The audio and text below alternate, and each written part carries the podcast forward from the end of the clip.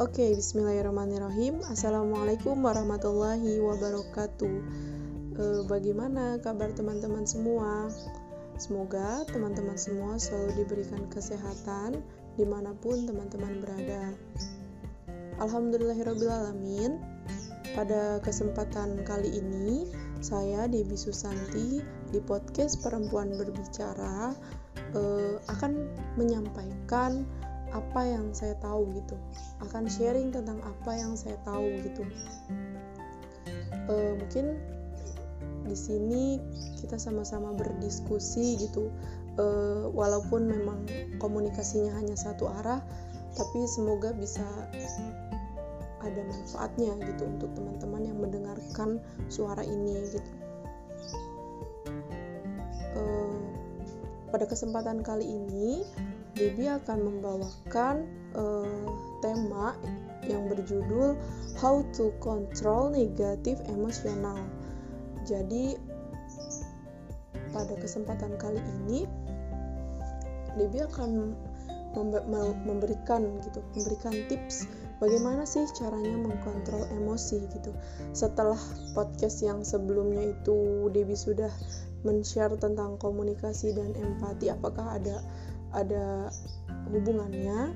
Nah sekarang lanjut ke bagian emosinya gitu. Emosinya tapi yang dibahas sekarang emosi negatif gitu. Karena e, sering kali dari kita gitu ketika sudah marah gitu emosi marah kita menggebu-gebu kita lupa atau kita nggak tahu gitu bagaimana caranya mengkontrol apa namanya untuk tidak marah yang berlarut-larut gitu. Bagaimana kita mengkontrol emosi tersebut gitu? Karena kan marah pun perlu tenaga perlu energi gitu. Jadi kan kayak kalau saya gitu berpikirnya nggak ada manfaatnya gitu. Lebih baik uh, kita alur eh kita salurkan dengan energi-energi positif seperti itu gitu. Oke, okay, kita berangkat dari definisi emosi dulu gitu. Di sini saya mengutip uh, beberapa dari para ahli gitu, pengertian dari para ahli. Emosi menurut salah satunya itu menurut menurut Daniel Gulaman, emosi merujuk pada suatu perasaan dan pikiran yang khas suatu keadaan biologis dan psikologi yang dan serangkaian kecenderungan untuk bertindak. Emosi pada dasarnya adalah dorongan untuk bertindak. Mungkin dari bukan mungkin, sorry. Dari setiap individu pasti memiliki ciri khasnya masing-masing. Ada yang uh, apa ya namanya in, mungkin kalau dilihat dari kepribadian extrovert introvert gitu. Kita di sini bisa membedakan dari caranya berperilaku gitu. Nah tapi di luar itu uh, ada nih yang namanya emosi yang yang di mana dia ini apa namanya uh, memperlihatkan uh, suatu ciri gitu apakah dia ini sedang bahagia atau sedih atau marah dan lain-lain gitu. Nah, jadi emosi ini menurut saya hukumnya penting untuk diekspresikan gitu. Karena kalau melihat eh, apa ya namanya? melihat berita-berita ataupun melihat orang-orang yang di sekitar saya gitu. Ketika ada orang yang memang menahan emosi sedih gitu nangisnya gitu. Itu kan ekspresi itu bentuk dari emosi kita juga gitu kan. Yang nggak usah ditahan gitu. Karena itu bukan hal yang salah gitu. Malah ketika kita terus ber, terus menerus menahan itu akan ada dampaknya gitu. Entah yang akan kena itu matanya yang bengkak ke dalam gitu.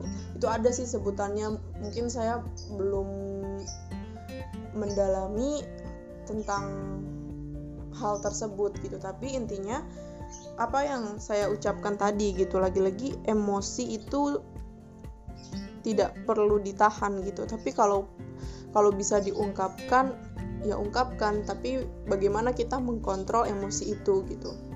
Itu definisi emosi dari salah satu ahli gitu kan. Kalau secara bahasa Prancis sih itu emotion emosi merupakan perpaduan dari beberapa perasaan yang mempunyai intensitas yang relatif tinggi dan menimbulkan suatu gejolak suasana batin. Nah, e, jadi emosi juga diartikan sebagai suatu perasaan ingin melebihi dari sifat individu terhadap suatu objek, sehingga cenderung berupaya untuk mengekspresikan dan mengaplikasikannya. Nah, e, udah saya jelaskan gitu kan ya tadi. Jadi emosi ini adalah bentuk mengekspresi gitu uh, yang kita perlihatkan kepada banyak orang, yang kita perlihatkan kepada orang-orang di sekitar kita gitu. Walaupun memang nggak banyak, hanya satu dua orang, kita tetap bisa berekspresi gitu.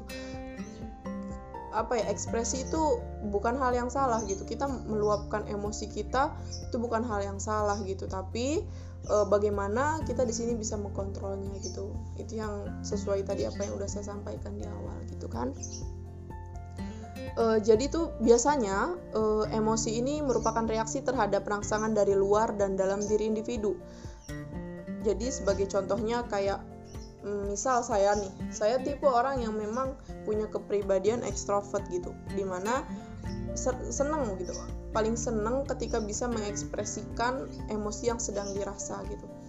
E, contoh lagi kumpul dengan teman-teman di organisasi gitu, dan kita bisa saling tukar pikiran terus juga di situ kan pasti ada canda tawa gitu. Nah e, ketika saya merasa ada yang lucu gitu dan teman-teman pun merasakan hal itu ya saya akan mengekspresikannya dengan tertawa gitu. Itu yang disebut dengan emosi.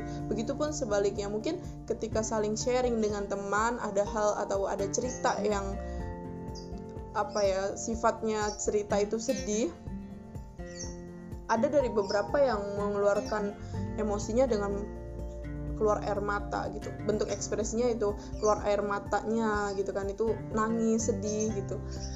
Yaitu hal yang wajar kalau menurut saya. Nah eh, lanjut ke macam-macam emosi gitu. Kalau yang tadi mungkin kita jelaskan definisinya terus juga tadi saya udah sebutkan ada beberapa macam emosi yang udah tadi kayak sedih senang yang saya sebutkan gitu kan pada dasarnya kan emosi itu ada negatif dan ada positif. Yang negatif uh, mungkin yang marah, dendam, iri, dengki. Terus kalau yang positifnya ya tertawa, senyum, lalu apa ya? Uh, cinta, sayang gitu kan. Itu bentuk-bentuk emosi positif dan negatifnya gitu ketika teman-teman semua yang mendengarkan suara di, suara saya ini merasakan uh, suasana hati yang sedih itu diungkapkan saja atau diekspresikan saja gitu.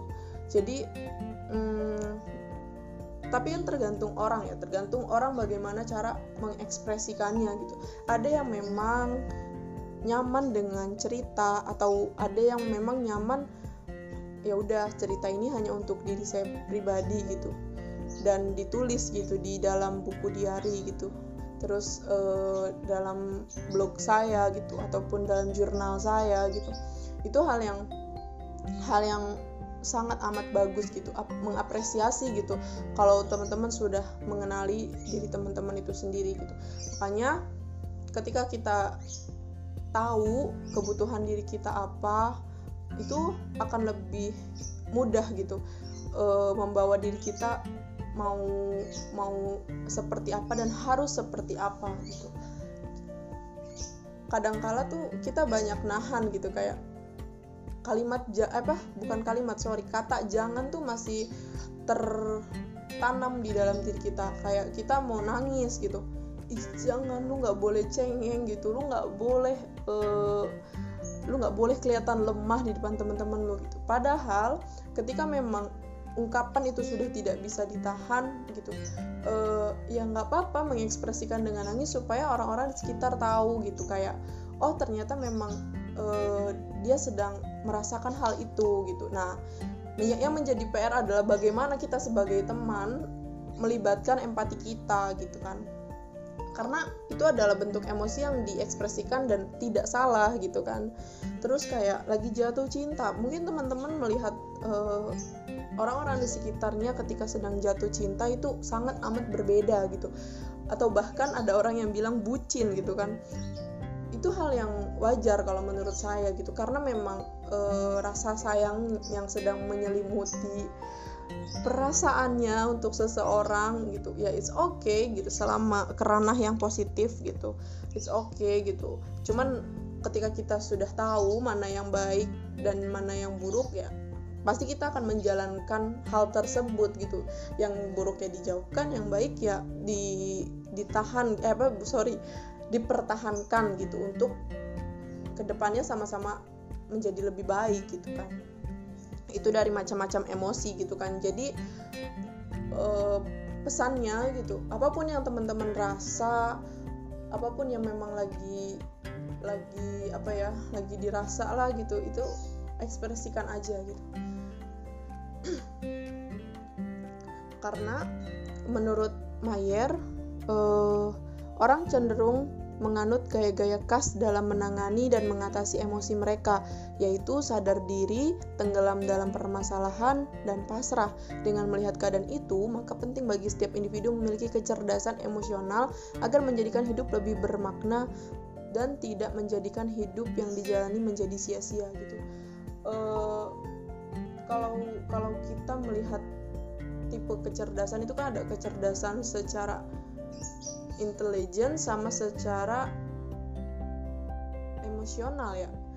Nah di situ tuh uh, bener-bener kita akan melihat uh, sosok yang seperti apa sih kita ini gitu. Apakah kita hanya orang pintar tapi yang nggak bisa mengendalikan emosinya atau bahkan kita nih orang yang pintar dan kita bisa mengendalikan emosinya gitu. Jadi orang yang bisa mengendalikan emosinya itu adalah orang yang orang yang termasuk baiklah gitu. Maksudnya dia sudah paham gitu dengan dirinya sendiri gitu. Akan kebutuhan dirinya sendiri. Contohnya mungkin guru-guru gitu kan. Guru itu harus sadar dia harus punya empati yang tinggi dia harus e, mengayomi anak-anak muridnya gitu. Jangan sampai karena emosinya gitu dia malah e, apa namanya menyakiti murid-muridnya gitu karena kan banyak ya teman-teman juga mungkin udah sering lihat gitu kan di mana namanya di berbagai informasi ada yang ada guru yang menyakiti uh, siswanya atau bahkan sebaliknya. Nah, kalau untuk siswa yang menyakiti guru itu adalah sebagai bentuk PR gurunya itu sendiri gitu. Bagaimana cara mentransfer ilmu-ilmu untuk saling bisa berempati satu sama lain gitu. Dan apa ya akan kelihatan gitu ketika kita sebagai guru uh, mentransfer ilmu-ilmu untuk bagaimana cara beretika yang baik itu akan kelihatan gitu. Karena saya pernah baca salah satu kutipan salah satu quotes lupa dari siapa ya.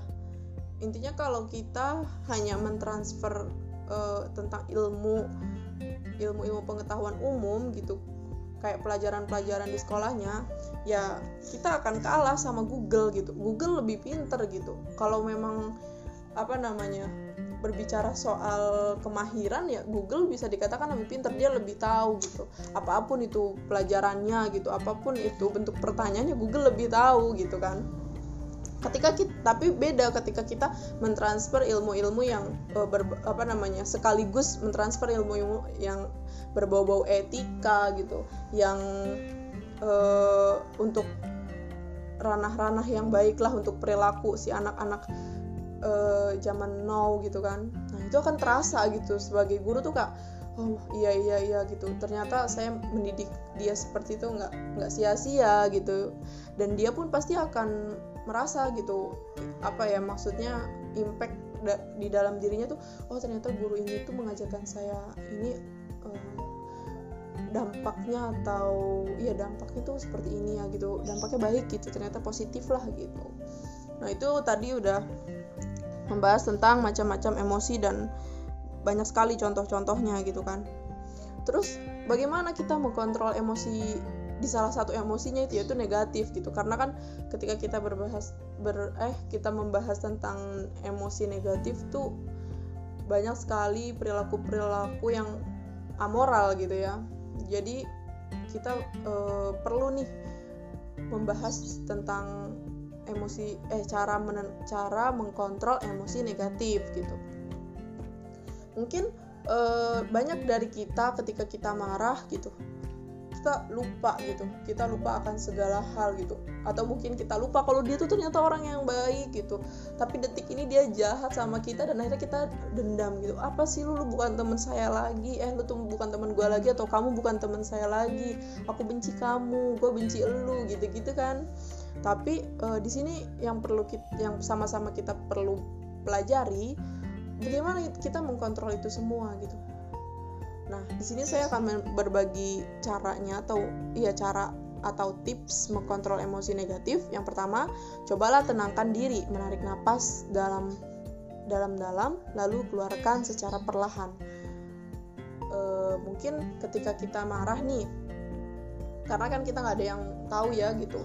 E, ekspresi apa sih yang bakal kita lakukan dalam detik ke depan dalam menit ke depan gitu. Jadi kalaupun emang ekspresi yang kita apa ya maksudnya kondisi yang kita dapat itu kurang mengenakan dan alhasil kita harus marah ya coba tenangkan dulu gitu. Tenangkan diri tarik nafas terus buang gitu. Buang napasnya terus uh, ya kita coba tanya lagi sama diri kita gitu.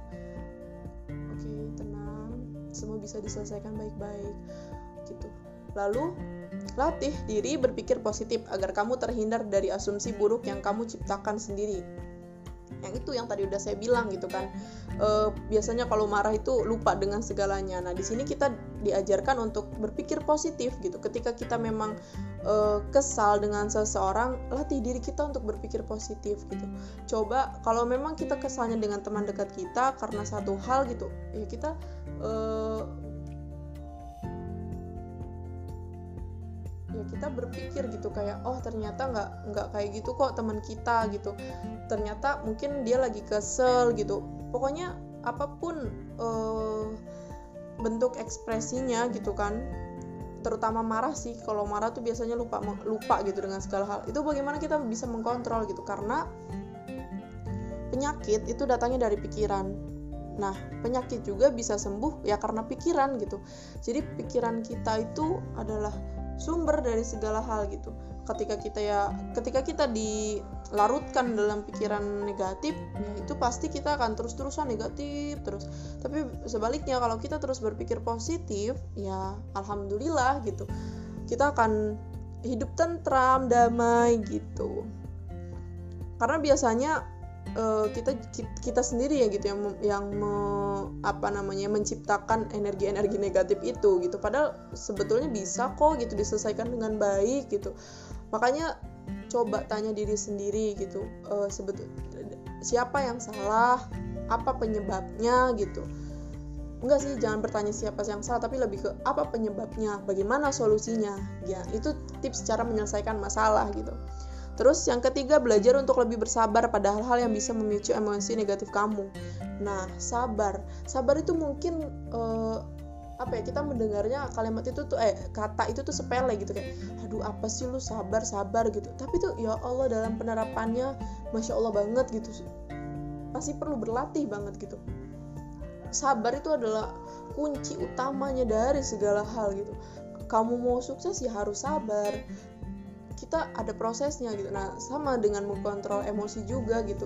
Kita harus sabar gitu ketika kita menghadapi orang yang memang uh, lagi apa marah sama kita gitu. Mungkin kita akan kebawa emosi gitu. Tapi se sebetulnya semuanya bisa di, diselesaikan dengan baik-baik gitu, kalau kita berpikir positif gitu satu sama lain gitu. Jadi inti intinya sabar kita mau jadi ayah mau jadi ibu itu kuncinya sabar gitu. Terus kita mau mau apa namanya punya lingkungan uh, di sekitar yang bisa saling memahami ketika ada yang lagi nggak satu jalan gitu nggak satu pemikiran nggak satu frekuensi ya kita harus sabar menghadapinya gitu kan. Terus yang keempat cobalah belajar terima keadaan yang tidak kamu sukai eh sorry. Cobalah belajar terima keadaan yang tidak bisa kamu kendalikan. Jadi misal nih kamu lagi kesel sama seseorang. Terus uh, tapi kamu harus berhadapan dengan orang itu karena suatu uh, pekerjaan gitu. Nah itu kan kita harus profesional gitu kan. Nah di situ kita be kita belajar menerima keadaan. Ternyata kita satu sama lain tuh saling membutuhkan gitu. Kamu membutuhkan saya saya pun membutuhkan kamu. Karena kita makhluk sosial kan gitu. Sejatinya kita makhluk sosial dan mau gimana pun mau pergi ke mana pun ya kita saling membutuhkan gitu. Jadi kayak uh, kita harus bisa kita bisa mengkendalikan lah gitu. Orang-orang yang ada yang apa lingkungan yang ada di sekitar kita gitu. Marah sedih bahagia itu hal yang wajar gitu. Tapi uh, ya itu yang saya yang udah saya sering bilang bagaimana kita bisa mengontrol hal tersebut. Lalu yang terakhir pikirkan dengan matang konsekuensi yang akan kamu terima dari setiap tindakanmu. Oke okay, ketika kita berbicara soal energi eh sorry emosi negatif otomatis banyak sekali yang nantinya akan terjadi gitu. Mungkin detik ini kamu marah kamu meluapkan semuanya kamu meluapkan kata-kata yang kotor kata-kata yang kurang enak didengar gitu. Tapi kamu akan merasakan di beberapa menit yang akan datang orang akan tersakiti terus orang akan menjauhi kamu gitu. Nah itu harus bisa terima konsekuensi gitu. Tapi bagaimana kita uh, bisa memperlakukan teman kita dengan baik lagi gitu? Maksudnya ya kita dengan cara minta maaf gitu. Bagaimana sih gitu uh, maaf gitu mohon pengertiannya tadi saya kesal atau gimana tapi ya dengan catatan jangan diulangin lagi gitu ya. Percuma kalau minta maaf tapi diulangin lagi gitu kan. Kayak ih gak etis banget sih gitu. Kayak sengaja gitu kan jatuhnya gitu kayak yang gak ada nggak ada itikat baik buat minta maaf gitu. Tapi beda sama kalau minta maaf tapi tidak diulangin lagi gitu. Jadi intinya ya kita harus bisa meng mengkontrol pikiran kita gitu. Karena set, uh, emosi negatif bisa terjadi dari individunya itu sendiri atau dari uh, eksternal atau lingkungan kita gitu. Bagaimana kita pinter-pinternya lah gitu. Um, mengkontrol emosi ini gitu. Emosi negatif ini gitu. Dan sebetulnya emosi positif pun kayak yang bahagia senang eh sama aja ya bahagia terus cinta itu juga sama sih perlu dikontrol. Tapi di, uh, pada pertemuan kali ini saya saya cuma membahas um, bagaimana mengkontrol emosi negatif nah, itu semoga bermanfaat. Tadi apa yang udah saya sampaikan sabar itu kuncinya. Terus positive thinking juga itu kuncinya gitu ada dua gitu. Sabar dan positive thinking dan insyaallah hidup kalian akan damai, akan tentram, akan bahagia gitu dan bisa saling memahami. Oh ya, libatkan empati kalian gitu dalam keseharian sehari-hari. Oke, cukup sekian. Mohon maaf nih, tadi Debi nyerocos melulu semoga bermanfaat. Jika kekurangan datangnya dari saya pribadi dan kelebihan datangnya dari Allah Subhanahu wa taala billahi fi sabilil haq fastabikul khairat. Wassalamualaikum warahmatullahi wabarakatuh